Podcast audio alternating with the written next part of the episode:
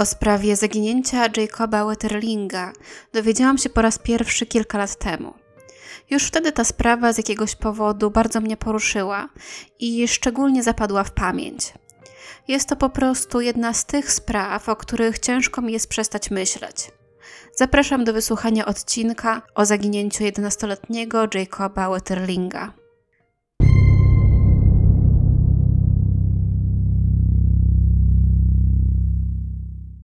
Jacob Wetterling urodził się 17 lutego 1978 roku w St. Joseph w stanie Minnesota.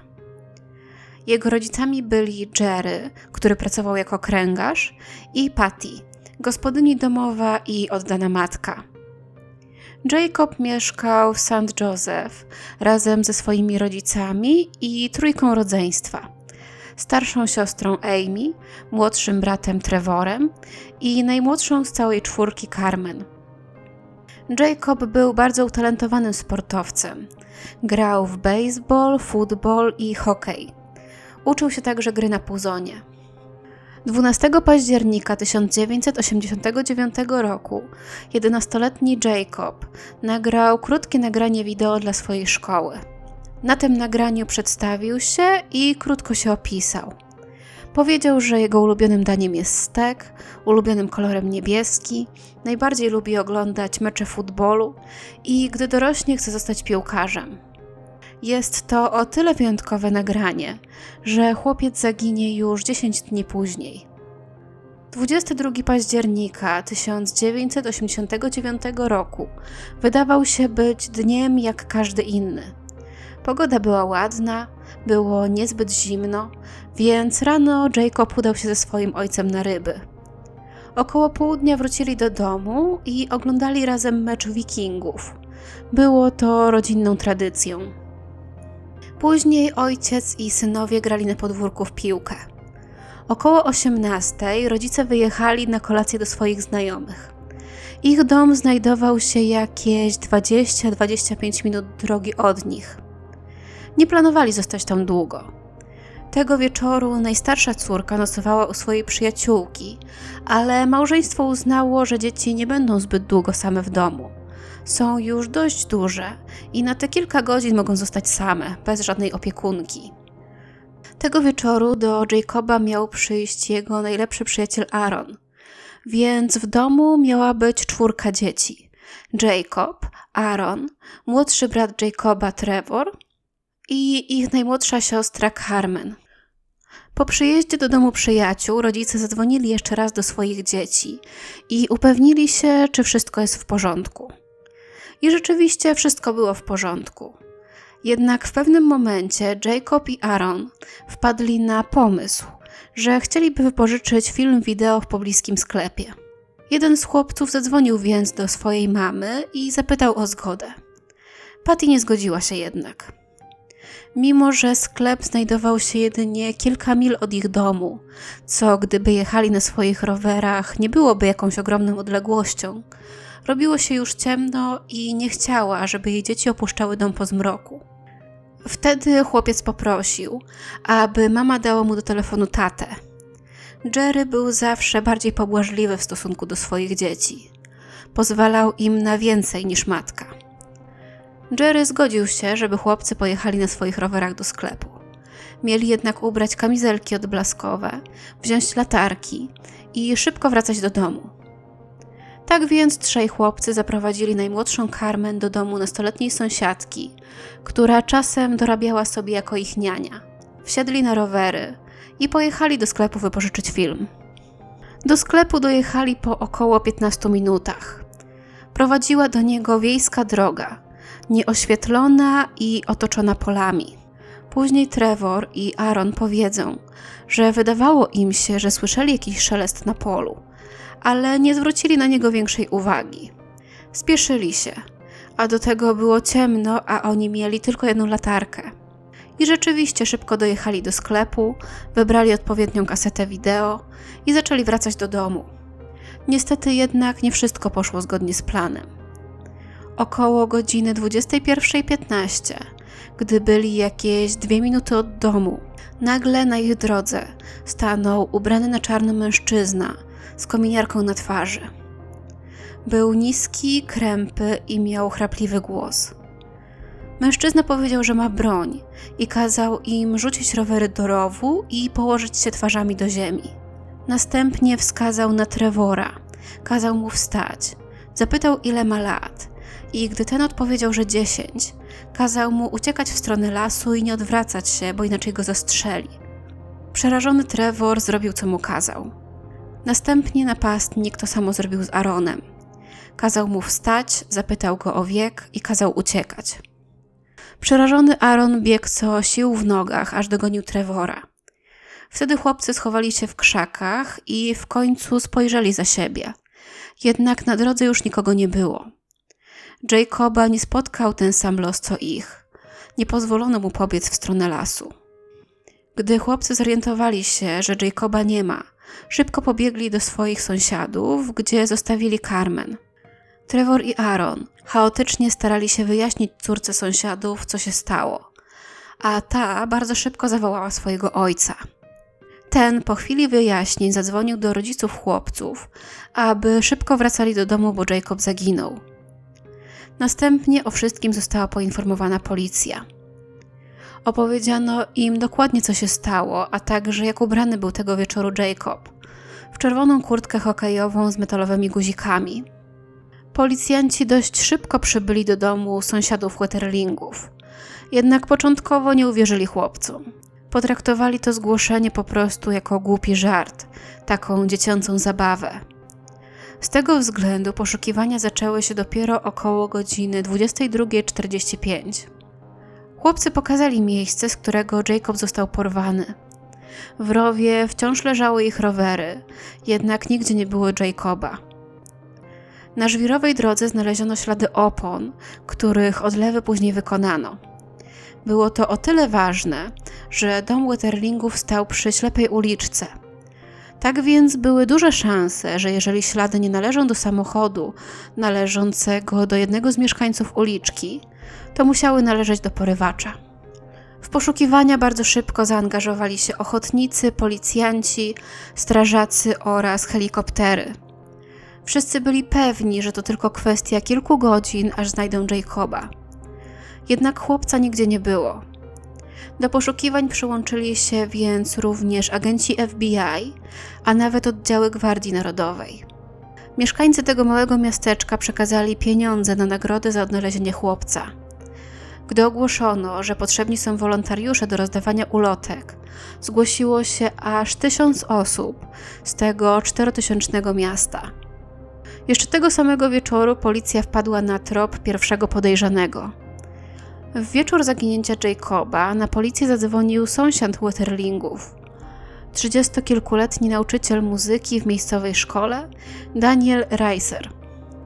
Mężczyzna powiedział, że obudziło go szczekanie psa i gdy wyjrzał przez okno, zobaczył kilka osób, które grzebały w okolicy jego drewna na opał. Mężczyzna był pewny, że chcą mu ukraść to drewno, a tymczasem byli to po prostu ludzie, którzy szukali jakiegokolwiek śladu Jacoba. W tym momencie Daniel nie wiedział jeszcze, że chłopiec zaginął i że trwają jego poszukiwania. Po telefonie na numer alarmowy Daniel Reiser został przesłuchany. Powiedział, że jedyną nietypową rzeczą, która zdarzyła się na tej drodze tego wieczoru, był samochód, który około godziny 21.15 zawracał na jego podjeździe. Zdarzało się to bardzo rzadko, ponieważ była to polna droga. Jednak mężczyzna nie zapamiętał ani koloru auta, ani jego marki. Funkcjonariusze nie zapytali go o zgodę na przeszukanie jego domu czy jego posesji. Właściwie rozmowa z nim była bardzo krótka. Jakiś czas później Daniel Reiser stanie się dla policji głównym podejrzanym. Jednak na razie skupmy się na dalszych poszukiwaniach Jacoba. Poszukiwanie Jacoba było jednym z największych poszukiwań zaginionej osoby w historii stanu Minnesota i całych Stanów Zjednoczonych. Bardzo wcześnie zaczęto poszukiwania naziemne i powietrzne. Na policję napływało tysiące wskazówek i wszystkie z nich były sprawdzane. Szczególnie dwie wskazówki wydawały się być obiecujące. Świadkowie donieśli, że widzieli dziwnego mężczyznę, który wpatrywał się w klientów w sklepie spożywczym, w którym byli chłopcy. Doniesiono również o molestowaniu przez nieznanego mężczyznę, dwunastoletniego chłopca. Molestowanie to miało miejsce dwa miesiące przed zaginięciem Jacoba. Chłopiec wracał do domu z jazdy na łyżwach, kiedy został złapany przez mężczyznę, który wciągnął go do samochodu, molestował go, a następnie wypchnął go i kazał mu uciekać, bo inaczej go zastrzeli. Sposób, w jaki zachowywał się ten napastnik, rzeczywiście był bardzo podobny do tego, co opowiedział Aaron i Trevor. Niestety, mimo tych podobieństw, mężczyzny nie udało się odnaleźć. Szybko jednak porwanie Jacoba powiązano z innym przypadkiem, które miało miejsce 10 miesięcy wcześniej w Cold Springs, 10 mil od St. Joseph. Pewien chłopiec opowiedział, że mężczyzna, grożąc mu pistoletem, kazał mu wsiąść do swojego samochodu. Następnie gdzieś go zabrał, tam go molestował i później kazał uciekać, nie oglądając się za siebie. W tym przypadku chłopiec był nawet w stanie opisać swojego napastnika i dzięki temu udało się stworzyć jego portret pamięciowy. Z koszulki chłopca udało się również pobrać próbki DNA, chociaż w tamtym czasie badania DNA dopiero raczkowały i nie były powszechnie stosowane. Chłopiec powiedział również, że mężczyzna miał w samochodzie policyjne radio. To skłoniło policję do przyjrzenia się danemu Henrichowi. Mężczyzna został niedawno zatrzymany przez drogówkę i zauważono, że ma w swoim samochodzie policyjne radio. Ponadto był już wcześniej podejrzanym o molestowanie w niedalekim Paynesville. Dany Henrich został zabrany na komisariat i przesłuchany. Poddano go nawet testowi wariografem, którego nie zdał. Co więcej, przyjrzano się również oponom jego samochodu, które były bardzo podobne do śladów, które zostały znalezione na miejscu porwania Jacoba. Co jeszcze ciekawsze, nie był to jakiś bardzo popularny model opon. Podczas całego dochodzenia znaleziono jedynie dwa samochody z oponami, które pasowały do wykonanych odlewów. Jeden komplet należał do Henricha, a drugi zamontowany był w samochodzie, który od dawna już nie jeździł. Było to o tyle ważne, że wielu potencjalnych podejrzanych wykluczono na podstawie opon ich samochodu. Śledczy postanowili śledzić Henricha. Przez kilka dni obserwowali, jak siedzi w domu, pije w lokalnych barach i jeździ swoim samochodem po polnych drogach. Wydaje się jednak, że po kilku dniach policja zaprzestała obserwacji. W końcu postanowiono jednak, aby Henrich wziął udział w okazaniu. Miał stanąć w jednej linii razem z kilkoma innymi mężczyznami przed ofiarą z Cold Springs. Podczas tego okazania chłopiec wybrał dwóch mężczyzn, których uważa, że mogli być napastnikami. Jednym z tych mężczyzn był rzeczywiście Henrich. Chłopiec nie potrafił jednak jednoznacznie określić, czy to na pewno był dany Henrich. W końcu jednak postanowiono aresztować danego pod zarzutem porwania i molestowania chłopca z Cold Springs. Podczas aresztowania mężczyzna był pijany. Agenci FBI, którzy go przesłuchiwali, byli jednak bardzo niedoświadczeni. Henrich zaprzeczył, aby kiedykolwiek molestował jakieś dziecko i powiedział, że jest wrabiany. Profilerzy FBI, którzy obserwowali to przesłuchanie, nie złożyli oficjalnego raportu, ale podobno powiedzieli detektywom, że nie uważają Henricha za winnego. Ostatecznie Henrich został zwolniony z aresztu. W marcu 1991 roku FBI przesłuchało odsiadującego w tamtym czasie wyrok w więzieniu Duana Harta. Hart był pierwszym podejrzanym w sprawie zaginięcia Jacoba Wetterlinga. Był skazanym przestępcą seksualnym z Paynesville i wieloletnim znajomym rodziny Henrichów. Hart powiedział śledczym, że odwiedził mieszkanie danego w miesiącu porwania Jacoba i że zobaczył u niego dwa radia policyjne, a także czarny kombinezon w stylu ninja. Czyli były to rzeczy, które charakteryzują ataki na chłopców w okolicy. Ponadto Hart powiedział, że dany Henrich zapytał go, jak mógłby pozbyć się ciała. Hart zalecił mu owinięcie go w folię i pozostawienie w oczyszczalni ścieków. Później powiedział również śledczym, że podejrzewa Henricha o uprowadzenie Jacoba. Jednak z tego przesłuchania nic nie wynikło. Tymczasem rodzice Jacoba odchodzili od zmysłów. Zdesperowani z radością przyjmowali każdą pomoc, nawet taką od jasnowidzów, czy też osób, które uważały się za jasnowidzów. W 1992 roku dwóch jasnowidzów napisało długi list do ojca Jacoba. W tym liście twierdzili, że wcześniejsze wskazówki od wróżbitów były w dużej mierze trafne. Napisali, że Jacob został zabrany przez mężczyznę o imieniu Willy do domu kultu białej supremacji i że bez wątpienia wciąż żył. Nikt jednak nie potrafił powiedzieć, gdzie dokładnie znajdował się ten dom, ani gdzie jest tajemniczy Willy. Cztery miesiące po zniknięciu Jacoba, jego rodzice Jerry i Patty założyli Jacob Wetterling Foundation, czyli agencję non-profit mającą na celu edukację dzieci w zakresie ich bezpieczeństwa. Policja powiedziała Patty i Jeremu, że byłoby pomocne w śledztwie dotyczącym porwania Jacoba, gdyby mieli dane dotyczące miejsca zamieszkania przestępców seksualnych, aby zlokalizować potencjalnych podejrzanych. To skłoniło Patty do złożenia petycji w celu opracowania i przekazania ustawy Jacoba Wetterlinga o rejestrowaniu przestępstw przeciwko dzieciom i przestępcom stosującym przemoc seksualną. Ustawa ta została podpisana w 1994 roku przez prezydenta Billa Clintona i wymagała od wszystkich stanów stworzenia rejestrów przestępców seksualnych. Akta pokazują, że śledczy zbadali setki potencjalnych podejrzanych o uprowadzenie Jacoba, w tym każdego znanego przestępcy seksualnego w stanie. Mimo wszystko lata mijały i nikt wciąż nie wiedział, gdzie jest Jacob, ani co się z nim stało. W 2004 roku sprawę przejął nowy szeryf, który postanowił na nowo przeanalizować wszystko od samego początku.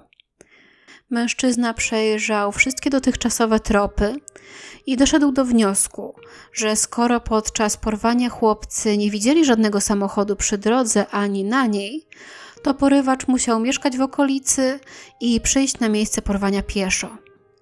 Postanowiono ponownie przesłuchać sąsiada Wetterlingów, nauczyciela muzyki Dana Reisera. Mężczyzna nadal mieszkał w domu z matką, nadal uczył muzyki dzieci i nie za bardzo miał jakiekolwiek życie towarzyskie czy uczuciowe. W 2010 roku policja złożyła nawet wniosek o przeszukanie jego domu. Jednak wniosek ten tak naprawdę nie był poparty zbyt wieloma dowodami. Argumentami policji było na przykład to, że Reiser otrzymał jedynie jedną kartkę na Boże Narodzenie, czy jego odpowiedź na pytanie, dlaczego biega maratony, która miała brzmieć, żeby móc w razie czego uciec. Niemniej, mimo braku dowodów i jedynie przeczuć, w 2010 roku policja publicznie nazwała Daniela Reisera osobą, która mogła mieć coś wspólnego z zaginięciem Jacoba. W tym roku przeszukano również jego dom i działkę, praktycznie ją przy tym niszcząc. Przeszukano nawet miejsce, w którym rodzina wyrzucała popiół. Nie znaleziono jednak żadnych dowodów na to, że mężczyzna miał cokolwiek wspólnego z zaginięciem Jacoba. Mimo wszystko policja swoim komentarzem, że Daniel mógł mieć coś wspólnego z zaginięciem chłopca, praktycznie zniszczyła mu życie. Mówiono o tym we wszystkich gazetach i w telewizji. Daniel nie był w stanie więcej umawiać się na randki, a rodzice dzieci nie chcieli go zatrudniać do udzielania lekcji muzyki ich pociechom. Trwało to przez kilka lat i ostatecznie mężczyzna pozwał policję o zniesławienie. Wniósł też o odszkodowanie wynoszące 2 miliony dolarów. We wrześniu 2004 roku współpracownicy pewnego mężczyzny z Warrot w stanie Minnesota zauważyli, że ten wygląda bardzo podobnie do progresji wiekowej Jacoba. Wyglądał dokładnie tak, jak Jacob powinien wyglądać w tamtym czasie. Ten mężczyzna zaprzeczył jednak, że jest zaginionym Jacobem, jednak odmówił wykonania testu DNA. W końcu detektywom udało się zdobyć jego odciski palców, jednak nie pasowały one do odcisków Jacoba. Kolejnym podejrzanym w sprawie został 62-letni Vernon Seitz, który całkiem niedawno zmarł spokojnie w swoim domu w Milwaukee. Przed swoją śmiercią przyznał się jednak swojemu psychiatrze do zamordowania dwóch chłopców w 1958 roku. Po jego śmierci jego psychiatra zgłosił to na policję. Dom i farma mężczyzny zostały dokładnie przeszukane. Policja znalazła tam wiele niepokojących materiałów, w tym pornografię dziecięcą, narzędzia do krępowania, książki o kanibalizmie, wycinki z gazet o zaginionych dzieciach i, co najważniejsze, zalaminowany plakat Jacoba Wetterlinga. Co więcej, matka Jacoba powiedziała później, że Seitz odwiedził ją dwukrotnie po uprowadzeniu Jacoba, twierdząc, że jest medium i chcąc porozmawiać o jej synu. Jednak ostatecznie analiza kryminalistyczna przedmiotów należących do mężczyzny nie wykazała niczego, co łączyłoby go z tą sprawą. Tak więc mijały kolejne lata i śledztwo wciąż nie przynosiło niczego nowego. W sprawie chłopca, który był molestowany w Cold Springs, również nie było żadnego przełomu. W końcu w 2016 roku, wtedy już dorosły mężczyzna, który jako chłopiec był molestowany w Cold Springs, sam zgłosił się na policję. Poprosił, aby policjanci ponownie przyjrzeli się tej sprawie, mimo że była już przedawniona. W końcu policjantom udało się powiązać tę sprawę z innymi sprawami molestowania chłopców w pobliskim Painesville. Podobieństwa w tych sprawach zostały zauważone już wcześniej, ale jakoś nigdy wcześniej policjanci nie drążyli tego tematu. W końcu postanowiono ponownie przyjrzeć się staremu podejrzanemu, danemu Heinrichowi. Udało się uzyskać nakaz przeszukania jego domu. Tam śledczy dokonali przerażającego odkrycia. Znaleziono aż 19 segregatorów, wprost wypełnionych zdjęciami dzieci, w tym zdjęciami nagich chłopców w wieku przed okresem dojrzewania. Żadne z tych zdjęć nie przedstawiało Jacoba, ale wiele z nich przedstawiało dzieci, o których było wiadomo, że padły ofiarą dziecięcej pornografii. Śledczy znaleźli również nagrania wideo przedstawiające różnych chłopców wykonujących całkiem zwykłe czynności poza swoimi domami, takie jak jazda na rowerze czy zabawa w parku. Szeryf hrabstwa powiedział, że te filmy i zdjęcia obejmowały ponad dekadę.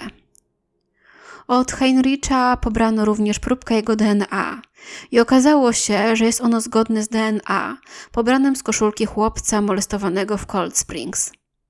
Dany Heinrich został aresztowany pod zarzutem posiadania pornografii dziecięcej.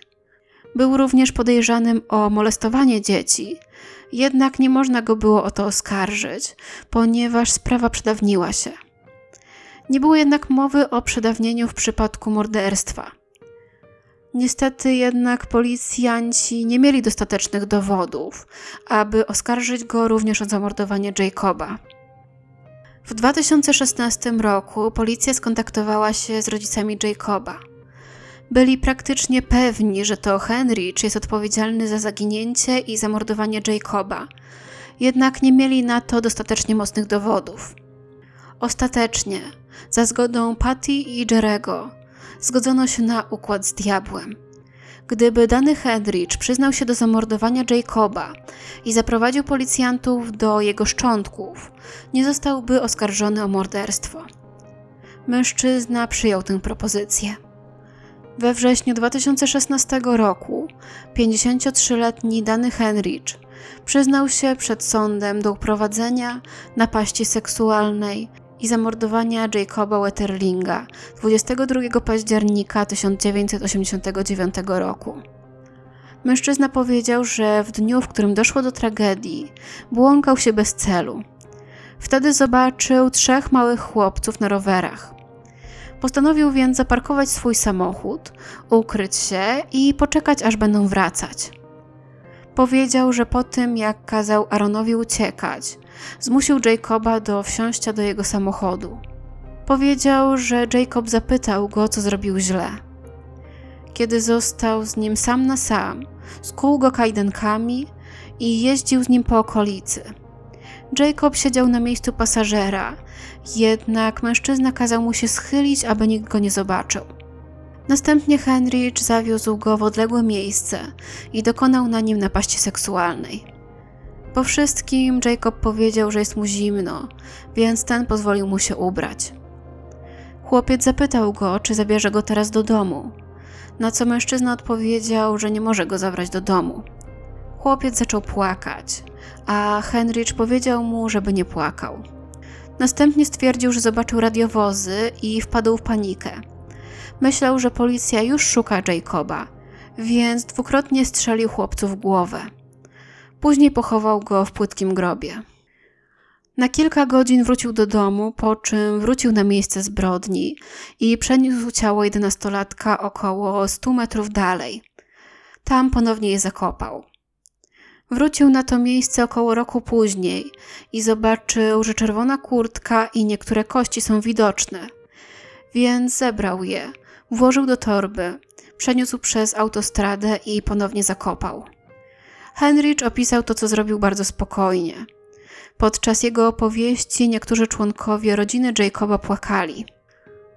Ostatecznie jednak zaprowadził ich do miejsca pochowania Jacoba i jego rodzina w końcu, po 27 latach, mogła zapewnić chłopcu należyty pochówek. Matka Jacoba powiedziała później: Niezwykle bolesne jest poznanie jego ostatnich dni, ostatnich godzin, ostatnich minut. Dla nas Jacob żył, dopóki go nie znaleźliśmy. W 2017 roku Dany Henrich został skazany na 20 lat więzienia za posiadanie pornografii dziecięcej. Podczas jednej z rozmów telefonicznych powiedział swojemu bratu, że po zabiciu Jacoba nigdy więcej nie popełnił żadnego aktu przemocy seksualnej w stosunku do dziecka. Jacob był jego ostatnią ofiarą. Powiedział, że wtedy był potworem, ale nie jest nim już od 27 lat. Henrich jest również podejrzany w dziesiątkach spraw o molestowanie, które miały miejsce w Painesville w latach 80. Niestety sprawy te już się przedawniły i nie można go o nic oskarżyć. Podczas rozmowy telefonicznej ze swoim bratem przyznał się do kilku z tych ataków, jednak powiedział, że nie za wszystkie jest odpowiedzialny. Dany Henrich będzie mógł wyjść z więzienia w 2033 roku, gdy będzie miał 70 lat. I na dzisiaj to już wszystko. Dzisiejsza sprawa dotyczy dziecka, więc najprawdopodobniej YouTube zablokuje możliwość zostawienia komentarza. Jednak mimo to jestem bardzo ciekawa, czy słyszeliście wcześniej o sprawie porwania Jacoba. Bardzo się cieszę, że po tylu latach udało się ją rozwiązać i że jego rodzice mogli w końcu pochować swojego syna. Szkoda tylko, że o morderstwo nie udało się oskarżyć i należycie osądzić Henricha. Jedyne pocieszenie jest takie, że teraz i tak siedzi w więzieniu. Tak więc trzymajcie się bezpiecznie i do usłyszenia niedługo.